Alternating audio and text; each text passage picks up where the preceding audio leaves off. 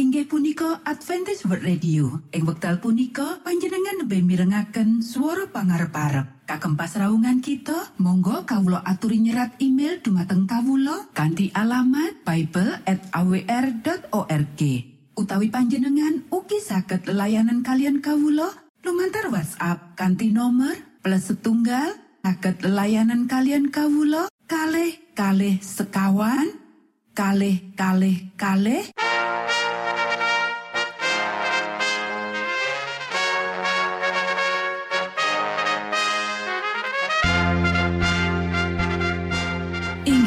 Punika Adventis World Radio ingkang giaran kanti basa Jawi. Tentrem Rahayu Kulo aturaken kagem poro Mitra kinasih ing pundi papan lan panggonan. Sugeng pepanggian malih kalian Adventis World Radio.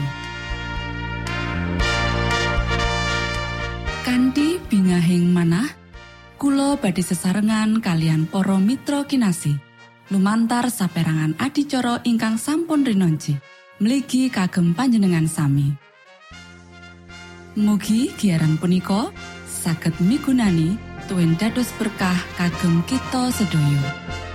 Sugeng midhangetaken Gusti amberkahi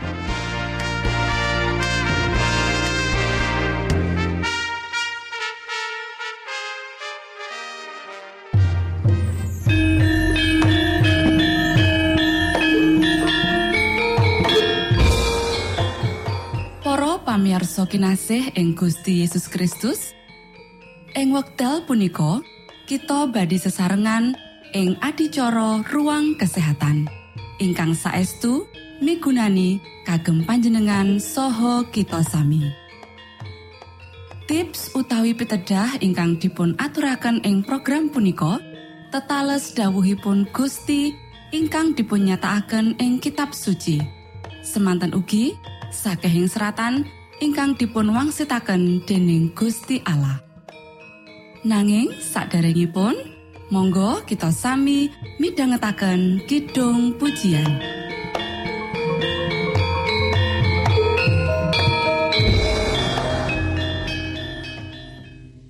Monggo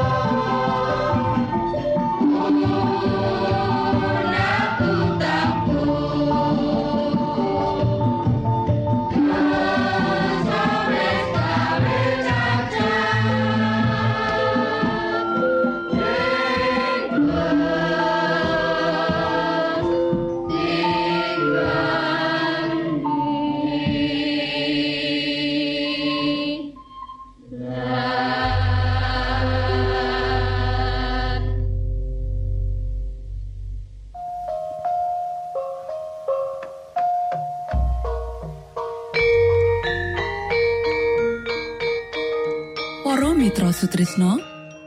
Puji syukur dumateng Gusti ingkang murbeng dumati ingkang sampun kepareng paring wewenngan kagem kita. Satemah saged nglajengaken ruang kesehatan. Pirembakan kita semangke kanthi irah-irahan milih panganan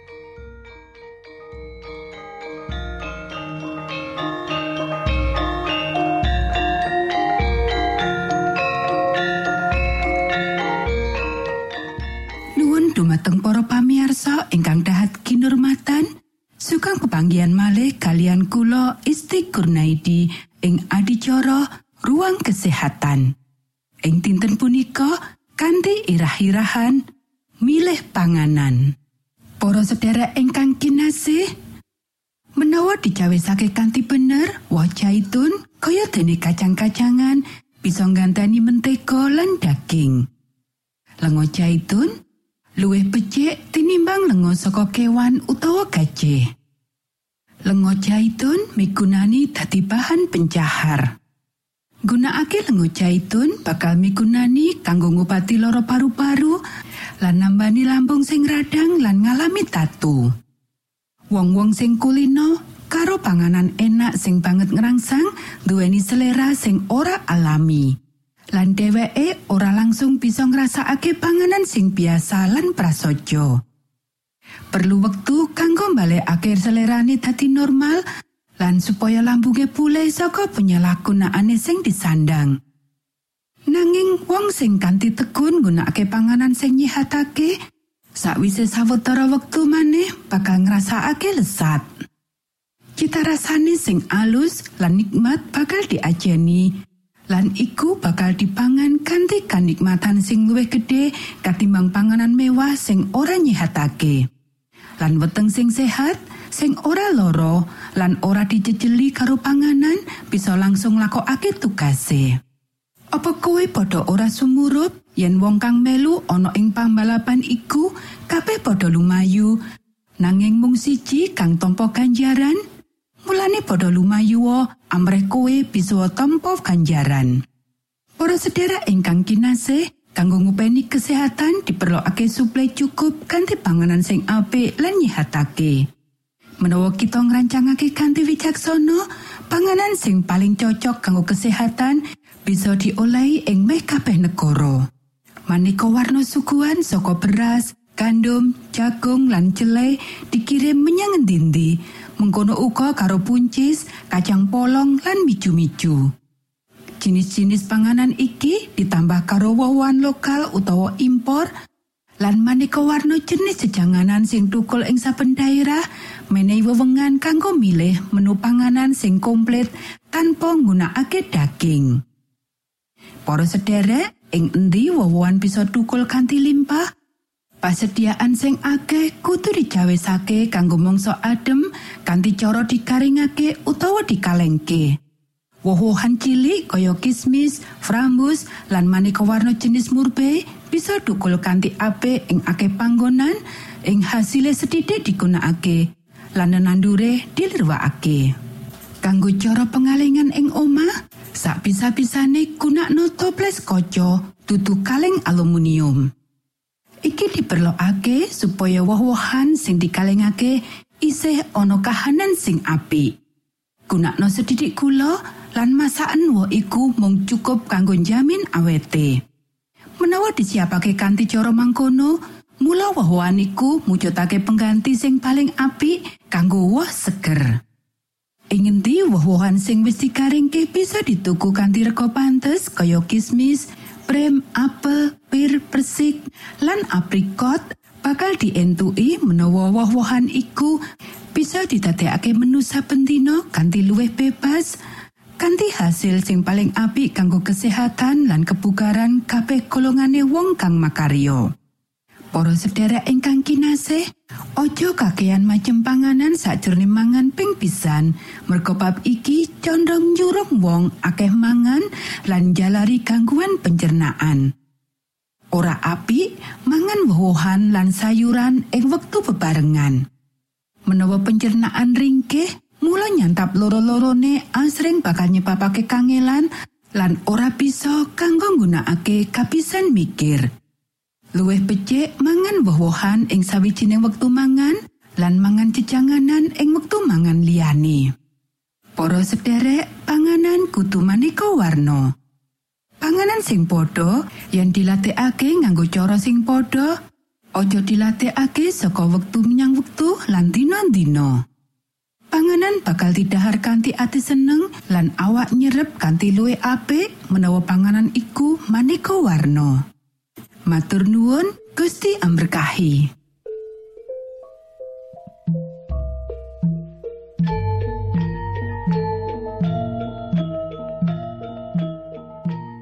Cekap semanten pimbakan ruang kesehatan ing episode dinten punika. Ugi sampun kuatos jalaran kita badhe pinanggih malih ing episode sak lajengipun.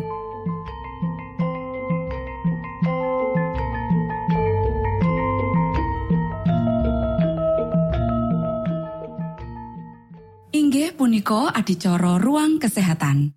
Menawi panjenengan gadah pitakenan utawi ngersakaken katrangan ingkang langkung, monggo kulo aturi kinton email dateng alamat ejcawr at gmail.com utawi lumantar WhatsApp kanti nomor 025 pitu 00 songo songo papat 00 pitu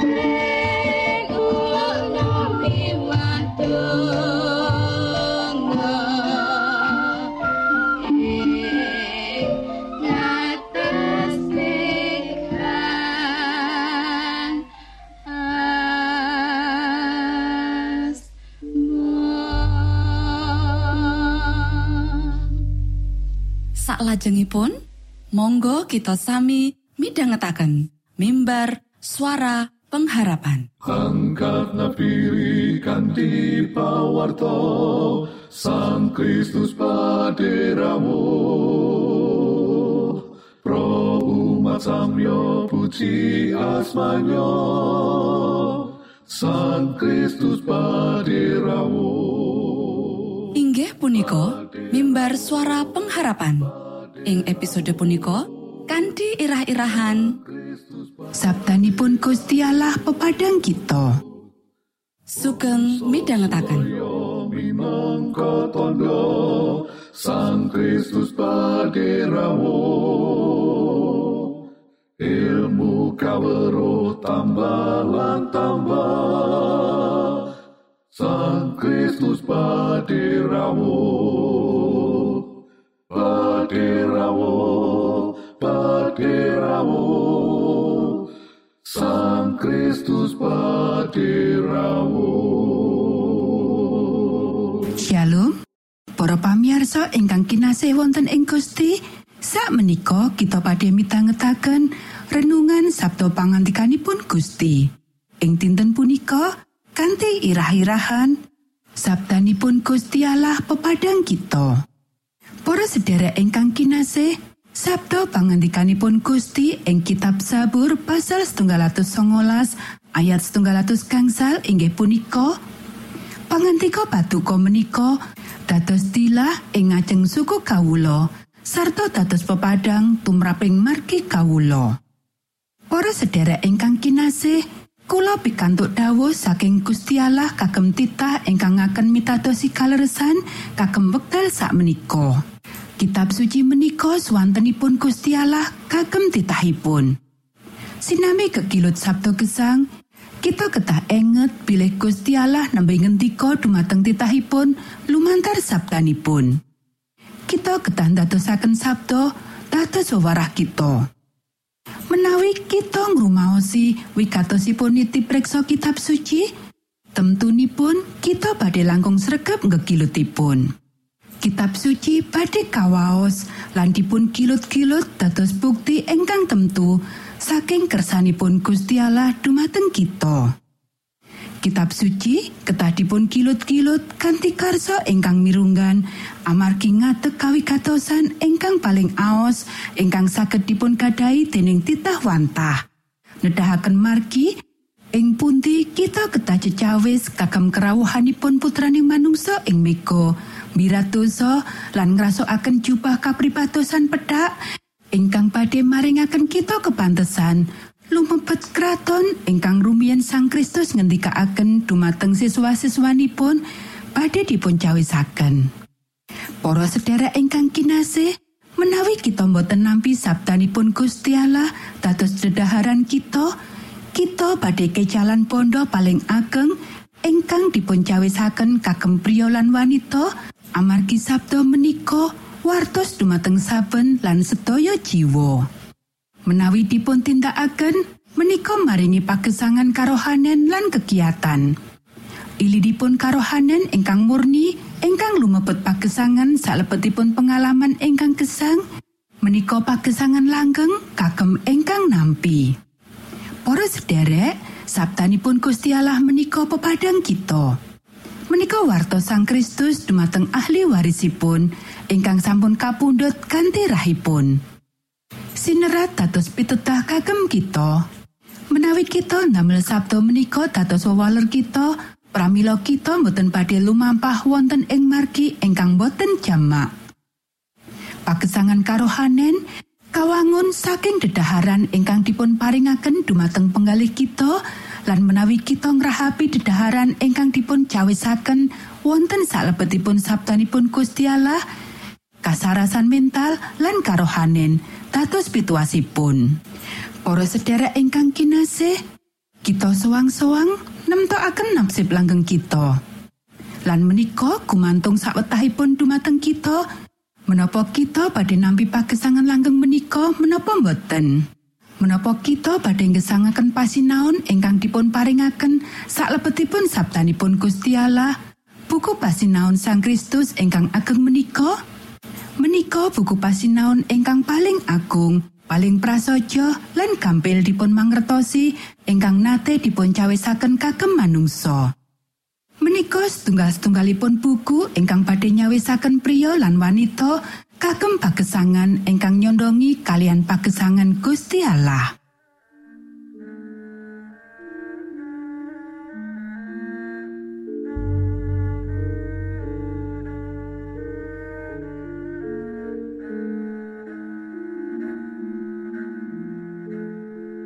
Para Mitra Sutrisno pamiarsa kinasih ing Gusti Yesus Kristus sampun paripurno pasamuan kita ing dinten punika. Menawi panjenengan gadah pitakenan utawi ngersaakan seri pelajaran Alkitab suara nubuatan Monggo Kulo aturi kintun email dateng alamat ejcawr at gmail.com utawi lumantar WhatsApp kanti nomor 025 pitu 00 songo songo papat 00 pitu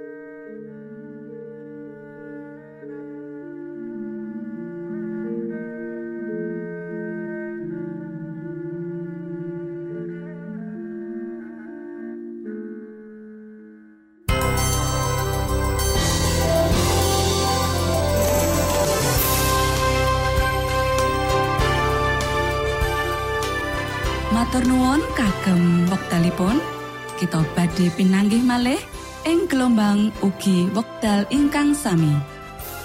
Saking studio kula ngaturaken tentrem rahayu. Gusti amberkahi kita sedoyo Maranata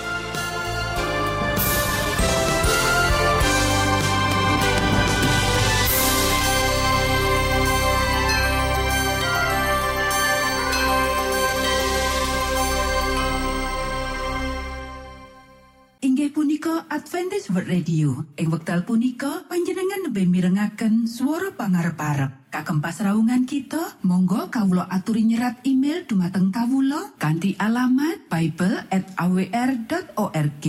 Utawi panjenengan ugi saged layanan kalian kawulo lumantar WhatsApp kanthi nomor plus setunggal saged layanan kalian kawulo kalih kalih sekawan kalih kalih kalih